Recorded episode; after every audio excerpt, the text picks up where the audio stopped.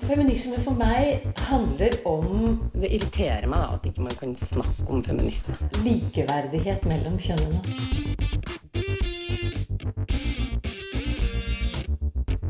Det blikket på kvinnen på film. handlet det om å bli tatt på alvor som jente.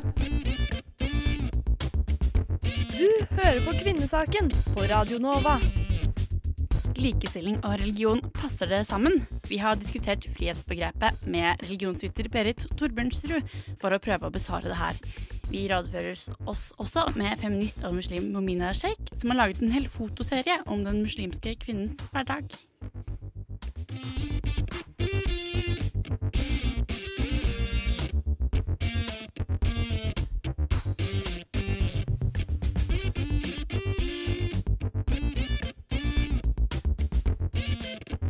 Hører på Kvinnesaken. God morgen. Du hører på Kvinnesaken her på Radio Nova. Det er en veldig sånn regnfull, skikkelig tung mandag i dag. Ja, Men- virkelig, virkelig trist. Ja, superduper trist, men forhåpentligvis så blir ikke hele dagen så trist. Du, du hører Lisa Aasbø og Line Hystad sammen med deg her i studio. Og vi utforsker som vanlig feminismens kriker og kroker, kanskje vi kan si det sånn.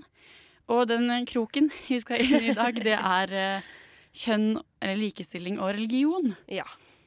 Vi får annet besøk av feminist og muslim Mina Sheikh ganske snart. Mm. Det var såpass stort tema at vi, vi ikke kunne liksom gjøre tusen masse, masse, masse research sjøl.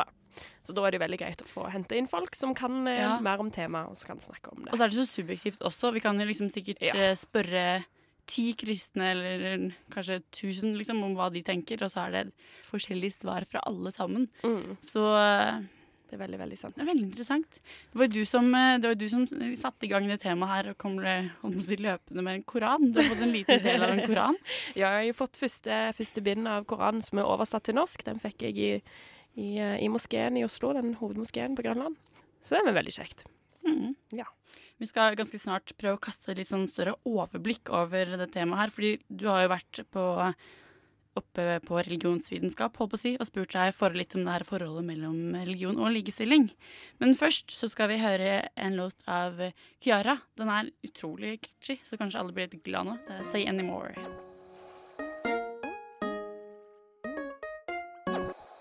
Det var Kiara med Say Anymore. Det er en superduper catchy låt, syns jeg. Ja, jeg er enig. Stille, men kul.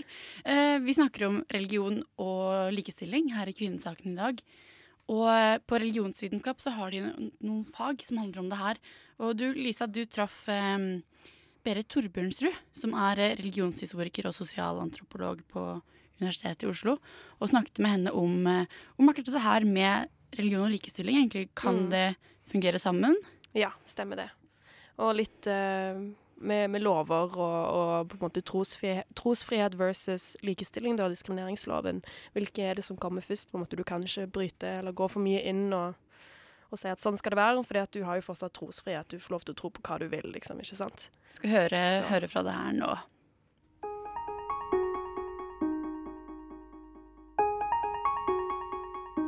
I eh, den ortodokse synagogen i Oslo så sitter kvinnene, kvinner og menn ber hver for seg, f.eks. Kvinnene ber på galleriet, mennene ber nede. I moskeer så ber kvinnene ofte på, i andre rom, eller på galleri eller bak menn osv. Og så er det jo et spørsmål i hvilken grad er den eh, måten å skille på kjønnene på, i hvilken grad er den diskriminerende? Er det en ø, akseptabel forskjellsbehandling, eller er den diskriminerende? Og hvem er det som skal avgjøre det? Religion hindrer likestilling. Det er noe man stadig får høre. Men er religiøs forskjellsbehandling virkelig et problem? Og om det er det, er det et problem vi kan løse? Berit Torbjørnsrud, sosialantropolog og religionshistoriker ved Universitetet i Oslo, har lenge vært engasjert og interessert i kompetanseheving rundt det flerkulturelle Norge. Kan religion og likestilling være en match, og hvor store er forskjellene mellom religionene? kan si I forhold til likestilling så har Den norske kirke kommet eh, langt på det prinsipielle plan. Og så kan det henge igjen eh, praksis. Og det vet vi jo på alle områder i Norge, at praksis henger etter eh, prinsippene. Veldig mange trossamfunn skiller på menn og kvinner i forhold til å bli rituelle ledere. Det gjør altså den katolske kirke, den ortodokse kirke, flere av frikirkene Muslimene gjør det, hinduene gjør det, uh, ortodokse jøder gjør det, osv. Så sånn at uh, der har du en sånn klar forskjellsbehandling. Og så er det jo spørsmål opplever medlemmene det som den forskjellsbehandlingen som diskriminerende. Og det er noe som er veldig viktig å tenke på. Opplever kvinnene innad i det trossamfunnet forskjellsbehandlingen som diskriminerende? I 1981 ble FNs kvinnekonvensjon ratifisert av det norske storting, og vi forplikter oss dermed til å forby diskriminering på bakgrunn av kjønn. Likestillings- og diskrimineringsloven sier nettopp dette, i tillegg til at den sier at forskjellsbehandling av kjønnet kan under visse krav være lov i trossamfunn. Denne forskjellsbehandlingen kan ikke være grunnløs, og Torbjørnsrud forteller at den skal være saklig, altså at det må eksistere en religiøs lære som sier noe om hvorfor det skal være sånn, og at forskjellsbehandlingen ikke kan være en uforholdsmessig inngripen i medlemmenes liv. Men hvorfor er det sånn? Hvorfor kan ikke staten overstyre religionene på dette? I trossamfunn som eh, oppfatter kvinner og menn som forskjellige, er det i seg selv et brudd på likestillingsloven. Eh, man har eh, særlig når det gjelder ansettelser av rituelt personell, altså prester, imamer, rabbinere osv., så, videre, så har de flest, eller veldig mange trossamfunn skille mellom kvinner og menn. Sånn at her er det et Det står i motsetning til likestillingsloven. Og så er spørsmålet om man ikke bare da må akseptere at sånn er det. Jeg har jo intervjuet mange medlemmer av Den ortodokse kirke i Norge f.eks. om dette med at bare menn kan bli prester og diakoner. Og da er det jo noen mener at nei, det ville være veldig fint hvis kvinner kunne bli prester, men det er ikke noe Det er en veldig liten ting for dem. Uh, andre syns at nei, absolutt ikke. De kunne ikke forestille seg å ha kvinnelige prester. Eh, sånn at det var et vidt spekter av eh, synspunkter på det. Men, men, eh, men, jeg tror ikke noen av dem ville akseptert eller ønsket velkommen at noen skulle komme inn og overstyre og liksom frigjøre kvinnene. Og der tror jeg de ville si at eh, det er vår frihet å være med i dette trossamfunnet. Og eventuelle diskusjoner vil vi ta internt. Fordi det er det som er viktig å tenke på at trossamfunn de forholder seg liksom til to virkeligheter. Det ene er den sosiale virkeligheten vi alle deler, og som reguleres av eh, flertall, demokratiske flertallsbeslutninger. Og så forholder de seg også til en åndelig virkelighet, eh, eh, som f.eks. de som da har et, en forståelse av at det er en gud. De vil jo si at dette, vår åndelige virkelighet er gitt av Gud, osv. Og, så og, og, den reguleres ikke på det samme måte av eh, sivile, uh, demokratiske flertallsbeslutninger. Dermed står vi overfor flere dilemmaer. Skal trosfriheten eller likestillingen veie tyngst i lovgivningen? Hvilke lover skal jeg som religiøs forholde meg til? Og hvem skal definere hva som er diskriminerende for meg som religiøs i et trossamfunn? Alle disse spørsmålene kan relateres til frihetsbegrepet, som ikke bør være så ensidig som vi ofte ser for oss. Jeg er veldig opptatt av det med frihet og hvordan vi forstår frihet. Fordi når vi snakker om likestilling, så tenker vi på å kjempe for at kvinner skal få like rettigheter som menn, og at vi tar utgangspunkt i at kvinner ofte blir diskriminert eller undertrykt. Og det er en virkelighetsforståelse som jeg deler.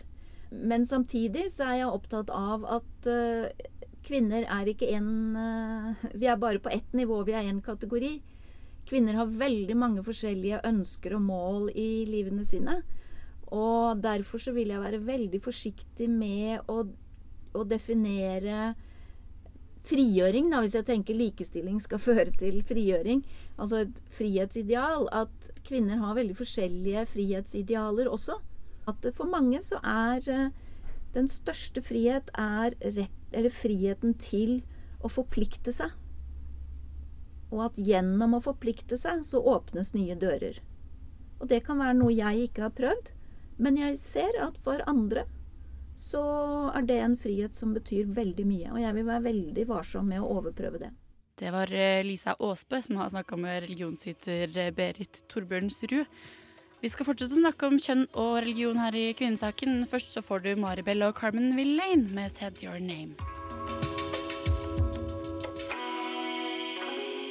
Maribel og Carmen Villain der og 'Said Your Name'. Velkommen hit, eh, Momina Sheikh. Du er eh, du, er, eh, du sa at det var greit at jeg kalte deg feminist og muslim, men du sa at du ville forklare selv hva du la i det. Hva, hva tenker du feminisme er? Vi kan kanskje starte der. Ja, eh, jeg kan jo først begynne å presentere meg selv. Eh, Jeg heter Momina Sheikh og ja, har eh, bachelorgrad i sosialantropologi og vært veldig engasjert i debatten om muslimske feminister, hvorav Uteslørt er en av mine bidrag. da. Apropos eh, hva feminisme betyr. eh, for det første så syns jeg kvinner skal ha retten til å definere seg selv. Og ordet, eller fenomenet feminisme innebærer veldig mye. eh, spesielt i vestlig kontekst. Og jeg som muslim vil sagt at jeg kanskje ikke tilhører den vestlige feministiske historie, men vi har en annen eh, tilnærming da, til feminisme, og det er en av grunnene til at jeg er veldig forsiktig med å kategorisere eller kalle meg ren feminist, da, fordi det er så ulike mange forståelser for det. Eh, jeg vet ikke om jeg skal utdype det, men Jo, du eh, kan, ja. kanskje du kan si litt om hva du tenker at feminisme er, da? Ja. Uh, For eksempel, vi ser jo i vestlig feminisme hvor en av hoved... Altså kampen var å kunne rive seg løs fra først og fremst religiøs tilnærming og det som var tradisjonelle kulturelle. Men jeg som muslim har jo en religiøs tilnærming. Jeg fraskriver ikke den religiøse identiteten min. Og jeg ville sagt at for ofte for meg, eller for mange muslimske kvinner, er eh, religion nesten en, en argument, da. Altså hvor mange muslimske kvinner bruker argumenter, religiøse argumenter, for å kunne forsvare seg selv da, som kvinne. Det har jo noe med hvordan eh, egentlig islam har blitt tolket. Eh, har en veldig dominerende eller maskulin tolkning da, som gjør at kvinnene alltid tilsidesatt. Eh, både kulturelt og religiøst. Så du tenker at din type feminisme handler mer om å få et slags kvinnelig perspektiv på islam? Ja. Ja, ja for hvordan tenker du at eh, kan, kan feminisme og islam på en måte henge sammen? Det er jo et veldig stort spørsmål. Det er jo ikke opp til meg å definere, men jeg er jo et bitte lite eksempel på det. For eksempel, jeg kan jo begynne med hijab. Det var jo noen år tilbake hvor jeg hadde lyst til å starte med hijab, og det er, en ting jeg fortsatt tenker på. Men øh, jeg hadde jo en mamma da, som var faktisk stikk motsatt av meg, som mente at jeg var kanskje for ung til å starte, eller begynne med det, og hun frarådet meg, frarådet, ja, hun sa at kanskje du bør eh, revurdere, fordi du er veldig ung til å begynne med det. Så, altså, jeg tenker at eh, Spørsmålet var jo om, eh, om, om islam og hijab, eller um, feminisme kan forenes.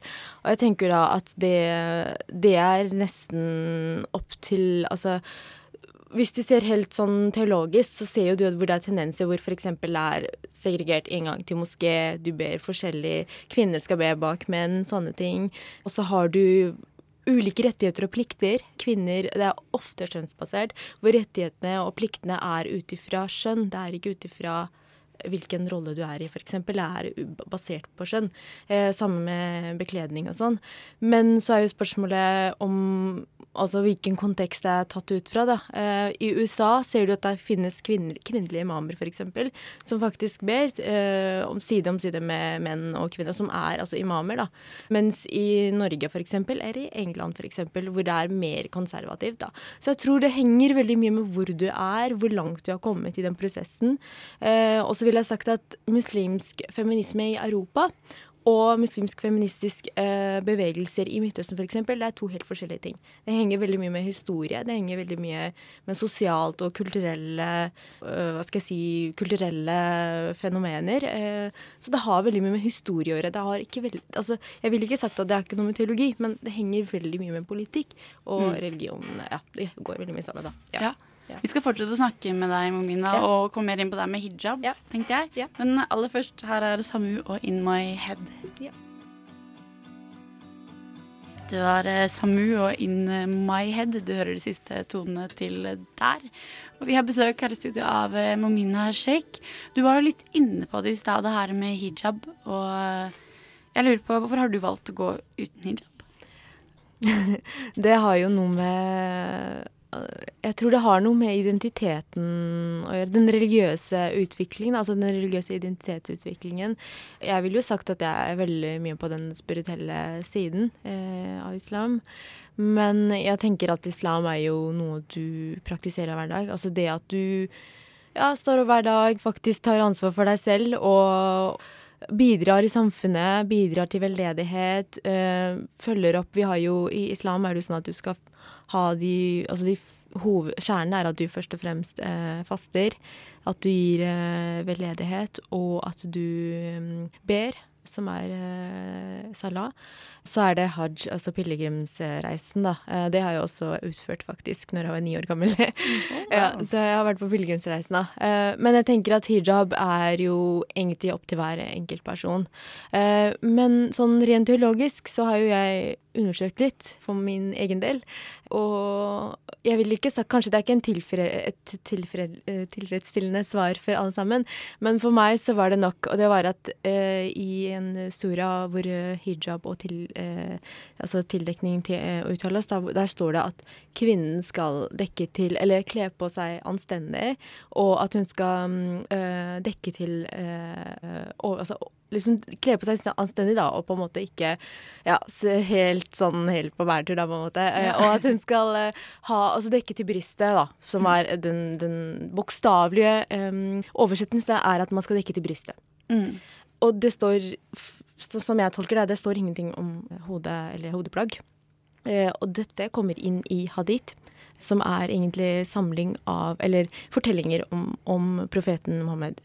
Og, og, dette er veldig avhengig av de eh, vennene til eh, profeten Mohammed, og som har gjenfortelt eh, fort, Som gjenforteller eh, fortellingene da, om hva faktisk Altså den suraen i Koranen, hva faktisk det betyr, da, hvis man setter det i kontekst med hadith. da.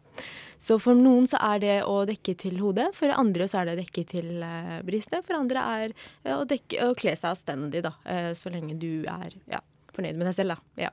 Sånn som det fremstilles i norske medier, synes jeg når, hver gang du kommer inn på noe tema som har med hijab å gjøre, så er det som det er en sånn ekstremt betent debatt. Da.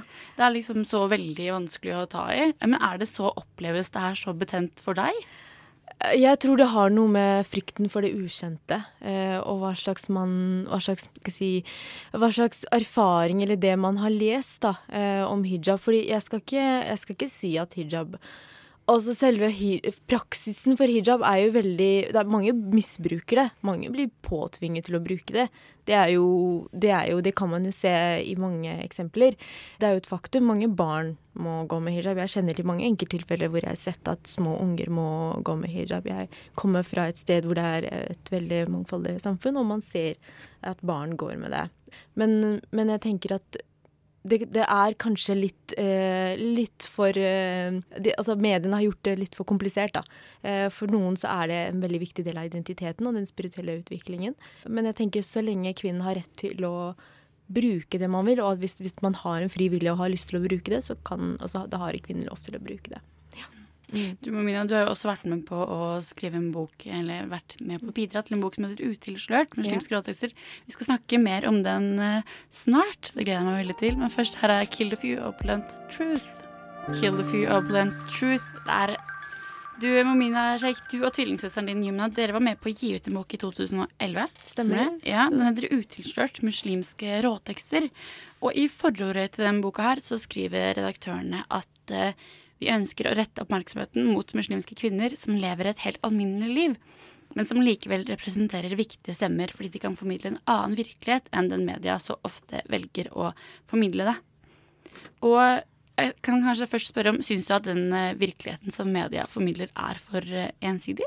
Ja, eh, jeg ville si det. Etter å ha vært aktiv i mediene og aktivt leser det, så ville jeg sagt det.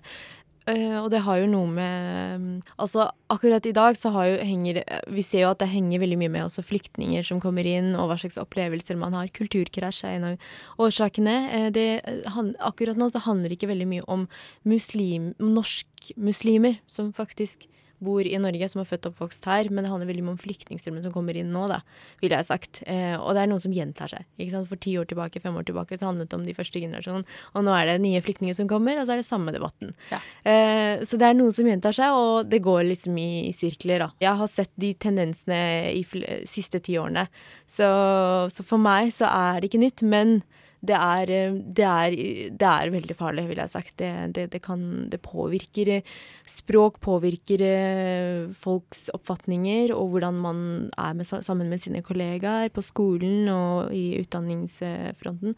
Så det har Jeg ville sagt at det er skeivt. Og Uteslørt var jo et av eksemplene hvor målet var å vise mangfoldet da, blant kvinner. Og vise at vi er normale mennesker som lever et vanlig liv og har våre hobbyer og forskjellige ting. Eh, mål og drømmer og ambisjoner. Eh, og at vi også har våre utfordringer i hverdagen. Og det handler ikke bare om religion og den religiøse identiteten. Vi har også våre egne frykt da, som menneske.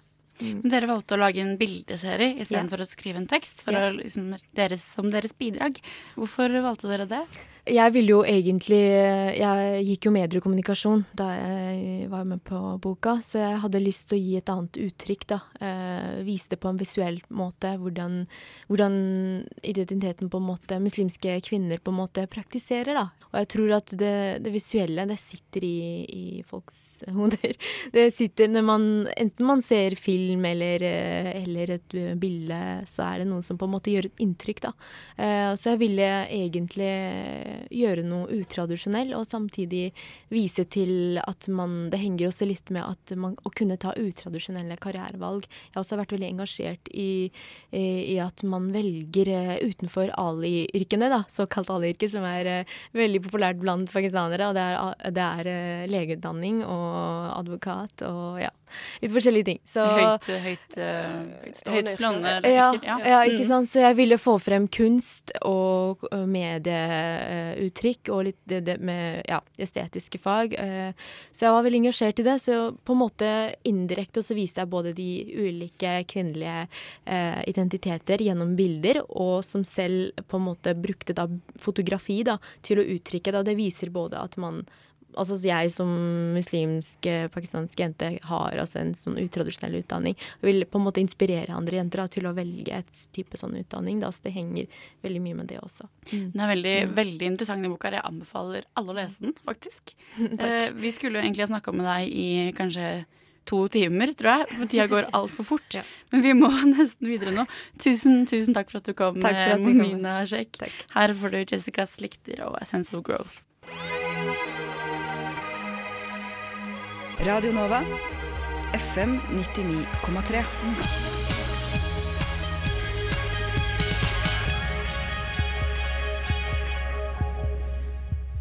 Lisa, har du hørt om feministisk teologi? Nei. Eller jo, jeg har hørt det før, men jeg har aldri visst helt hva det innebærer, og hva det er for noe. Om det har noe direkte med religion å gjøre, som det egentlig burde ha, men jeg trodde egentlig ikke det hadde det. Men ja. Jeg, jeg, hadde heller ikke hørt noe særlig om det før jeg fant ut at det faktisk er et ganske stort forskningsfelt her på Teologifakultetet i Oslo. Ja, Ganske kult. spennende. Og Nomina, som nettopp var her, var jo også litt inne på det her med at uh, kvinner i sin religion må lese leser tekstene på en annen måte og ser, legger merke til andre ting enn ja. menn. Ikke sant? Ser det fra sitt eget på en måte kvinnelige perspektiv, på en måte. Ja. ja. For sammen med at uh, feminismen vokser på 60- og 70-tallet, så blir det her et fokusområde i mange sånne akademiske retninger. Man får sånn feministisk teori. Jeg vet ikke, jeg hører til litteraturvitenskapen. Der har man i hvert fall ganske stor sånn feministisk teori. Mm. Og der får man jo også da, feministisk teologi som en måte å bruke feministisk teori på. Ja. Og jeg eh, dro opp på Teologisk fakultet og traff ei som heter Nina Hoel, som er eh, førsteamanuensis og har forska masse på det her feltet. Og hun forklarer at eh, feministisk teologi teologi både kan ses på den forstand at kvinner forsøker å definere den kvinnelige erfaringen av religionen, så som kvinner i religionen, men også i en sånn metodologisk og akademisk sammenheng der som religionsviterne sitter og jobber. da. Mm. Vi kan høre mer om det her. Vi kan jo begynne med hva, hva er feministisk teologi?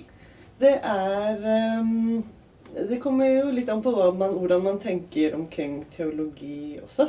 Fordi feministisk teologi kan jo være både teologi som blir utøvd av eh, muslimske kvinner og jødiske kvinner og hindukvinner og i det hele tatt. Så det har et bredt spekter, da. Men eh, det er jo i utgangspunktet så kan man jo si at det begynte type på 60-tallet, midten av 60-tallet, innenfor kristne Hovedsakelig innenfor kristne sirkler. Eh, hvor det var flere og flere kvinner som fikk adgang til å studere teologi. Og at eh, innenfor den protestantiske bevegelsen så ble det jo akseptert med kvinnelig ordinasjon. Og da ble det jo sånn at kvinner måtte liksom fortolke tekster og liturgier på nytt for å liksom som man kaller det sånn justify deres posisjon da, innenfor, uh, innenfor kirken. For det var jo Det er jo, er jo eh, mannsdominert både i forhold til praksis kan man si, og tolkningstradisjon. da. Så kvinner opplevde nok eh, si, tidlig at både på det altså epistemologiske nivået, altså det som har med hvordan er det vi vet hva vi vet, eh, at det måtte liksom en gjennomgang i forhold til hva er det kvinners hva er kvinners epistemologier? Hva er kvinners forhold til religion? Hvordan opplever kvinner religion? Hvordan lever de religion? Hva er deres forståelse av Gud eller skapelse eller Ikke sant? Fordi at mange si, tolkningstradisjoner hvor man liksom presenterer dette er liksom, dette er religion eller dette er et religiøst perspektiv, tar på en måte utgangspunkt i Fordi at det er en mannlig tolkningstradisjon, så er det jo utgangspunktet er jo i mannlige erfaringer av religion, som da ikke inkluderte eh, kvinnelige erfaringer. Men eh, det ble ofte fremstilt som sånn generic, altså universelle erfaringer, men da ikke tatt hensyn til kvinners erfaringer. Kvinner kjente seg liksom ikke igjen i de presentasjonene, så da var liksom fokus på å utarbeide og utvikle hva kvinners måte, epistemologier er da, i forhold til religiøse tradisjoner. Så det er på en måte den ene delen. Og så på det metodologiske Det blir jo mer sånn altså kvinner som Eller ikke kvinner nødvendigvis, men kjønnsforskere da, på religionsfeltet. Eh, det begynte jo også på type 60-tallet, altså innenfor sånn religionsvitenskap. Og da da ble jo de utfordret av at alle altså metodene vi bruker da, til å forske på religion, er også liksom mailstream, hvis jeg kan si det sånn. Sånn at f.eks. i fenomenologien, hvis man forsker på ritualer eller myter eller symboler eller eh, liksom, de type konseptene, så er jo det eh, De er ikke uskyldige konsepter i seg selv. Fordi f.eks. For i forhold til ritualer så er det jo en slags eh, både altså, ekskludering og inkludering, ofte på basis av kjønn. da. Sånn at man kan ikke presentere liksom, et ritual som noe kjønnsnøytralt når det viser seg at det bare er menn som har lov til å delta i det ritualet, f.eks. Så det er på en måte det metodologiske. da, og hva, hvilket, um, hva slags verktøy er det vi har til rådighet for å kunne forske på religion. Så da ble det liksom utviklet nye måter, altså nye metodologier til å forske på religion som kunne være inklusiv ja, også kvinners eh, religiøse verdener, på en måte. Nina og hun lærer om feministisk teologi. Vi skal høre mer fra henne ganske snart, men aller først her er Airpop og Pinky Rose med Say It Ain't So. Der hørte du Airpop og Pinky Rose og Say It Ain't So. Og feministisk teologi det er ikke bare en akademisk retning som holder seg til teksttolkninger, men det er også noe som skjer på grasrota i religiøse sammenhenger. Nina Hoel forteller at de to sidene av feministisk teologi hele tiden påvirker hverandre. Altså du kan si Med, med det å knytte sammen altså teksttolkning og altså forholdet med hva som faktisk skjer, altså hvordan kvinner lever religion, så er jo det altså feministteologi på en måte Du kan se både som en liksom, akademisk metode, men feminisme er jo også social, liksom, social vision. Det er jo de aktivistinitiativene som springer ut fra ofte altså feministteologi som liksom, teksttolkning. Men du har også sant, aktivistinitiativer som bringer ut av grasrot, som egentlig ikke er så interessert i hva teksten liksom sier, på en måte. Altså, da er det jo mer i forhold til at man opplever kjønnsforhold som problematiske. Så hva slags Hvordan kan kvinner liksom empower seg selv gjennom å utfordre de patriarkalske normene, eller liksom kjønnsnormene? Og da er det jo og, da er det mange som går inn i liksom lesesirkler. at de har, Det er liksom en av de første mulighetene kanskje mange kvinner har til å faktisk lese tekst. ikke sant? For det, altså kvinner som uh, ikke på en måte er van, altså, Det er ikke sånn at alle kristne kvinner eller muslimske kvinner eller, sitter og leser liksom, tekst hele tiden. Det er jo i forhold til møte med Hvis man går i kirker eller synagoger, eller så er det liksom overleveringer som skjer. Eller i familien, på en måte. Altså det er det som er normativt for en konkret setting, da. Slik at da er det jo ved å på en måte starte sånne study circles F.eks. i Afrika så er det et stort nettverk som er sånn Circle of Concerned African Womanist Theologians. Som er et sånn type nettverk hvor liksom kvinner kommer sammen. Og dette er liksom skolerte eh, akademikere. Men alle jobber med grasrot-communities. ikke sant? Og da er det jo noe om at man, eh, man på en måte kommenterer på noe som kan være problematisk. Det kan være liksom, skapelsesberetninger, og at kvinner ble skapt liksom, fra mannen eller av mannen eller et eller annet sånt noe, og er derfor underdanig eller ikke sant. Sånn at det, så da blir det et eksempel, og så snak, liksom, snakker kvinner Ja, hva betyr det, og er det liksom ut ifra hvordan de opplever sitt eget liv og sine kjønnsrelasjoner? Hvordan er det, hvordan er det de navigerer det? For én ting er jo at det er også ulike nivåer. Man kan ha en viss forståelse av religion, og at en religion er eh, patriarkalsk, og at det er liksom et sånn hierarkisk eh, setup hvor det liksom har Gud på toppen, og så er det liksom mannen, og så kommer liksom kvinnen. Men det betyr jo ikke at man i sin hverdag inkorporerer den det, det tankemønsteret, da. Altså en, ens praksis kan jo være ganske ulik hva en tror, liksom. Sånn at um, uh, Men selvfølgelig, for mange så vil jo det, et sånt tankemønster også være sånn som man opplever virkeligheten. Så det er også en sånn tension der, kan du si. Og det er også noe med Kanskje hvis man tenker i forhold til liksom en norsk kontekst, da, eller en liksom, eh, såkalt sekulær kontekst, så er det også noe med å ta eh, kvinners religiøse Så blir det commitments. Altså å ta det seriøst. Fordi at eh, kvinner finner også styrke i religion. Så det spiller liksom Religion kan spille mange ulike roller i kvinners liv.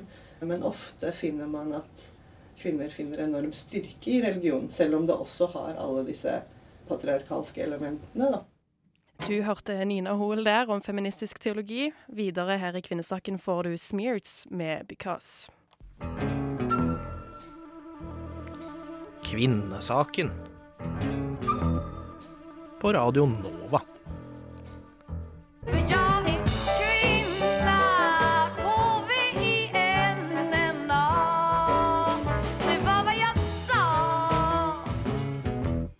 Det blir Lill Lindfors som får de siste ordene her i Kvinnesaken, tror jeg faktisk. Ja. Vi har jo snakka om religion og kjønn i dag, så jeg tenkte at det kan uh, lønne seg, hvis man er interessert i det her, å gå på Kulturutvalget sitt arrangement her på fredag. På sånn akademisk vorspiel, for de skal snakke om feminisme og islam. Ja, kult. Hvor var det det skal være? På Chateau Neuf. På, her, ja, på, her på huset. Ja, kult. Mm. Du treffer oss jo på alle vanlige sosiale medier som vi alltid nevner, men jeg syns vi burde nevne at vi har faktisk fått Instagram. Ja. Mm -hmm. Add oss der ja. på Kvinnesaken. Og så på radionova.no slash kvinnesaken så har vi også en del nettartikler. Blant mm. annet en om denne Gullbarbie-utdelinga som var forrige øh, onsdag. Torsdag. Torsdag, Riktig. Mm. Vi kan jo røpe at Dagbladet vant, og gratulere de med det. Ja. Neste uke så skal vi utforske det her med sånne likestillingsorienterte holdningskampanjer. Eller hashtag-holdningskampanjer, som man kanskje kan si. Fordi at det virker jo ganske sentralt med hashtag. Og det har blitt veldig stort med sånne holdningskampanjer i det Absolutt. siste. Det har blitt veldig veldig mange, og man ser det nesten overalt. Mm. Det kommer nye hele tiden. Så vi ses på samme kanal til samme tid da. Etter oss på Nova her så kommer A-lista. Og vi takker for oss her i studio. Lisa Aasbø og Eline Hystad. Tekniker har vært Åsa Ava Fredheim. Og til slutt her så får du Dive eh, med det motsatte av dagens vær, for den heter Under the Sun.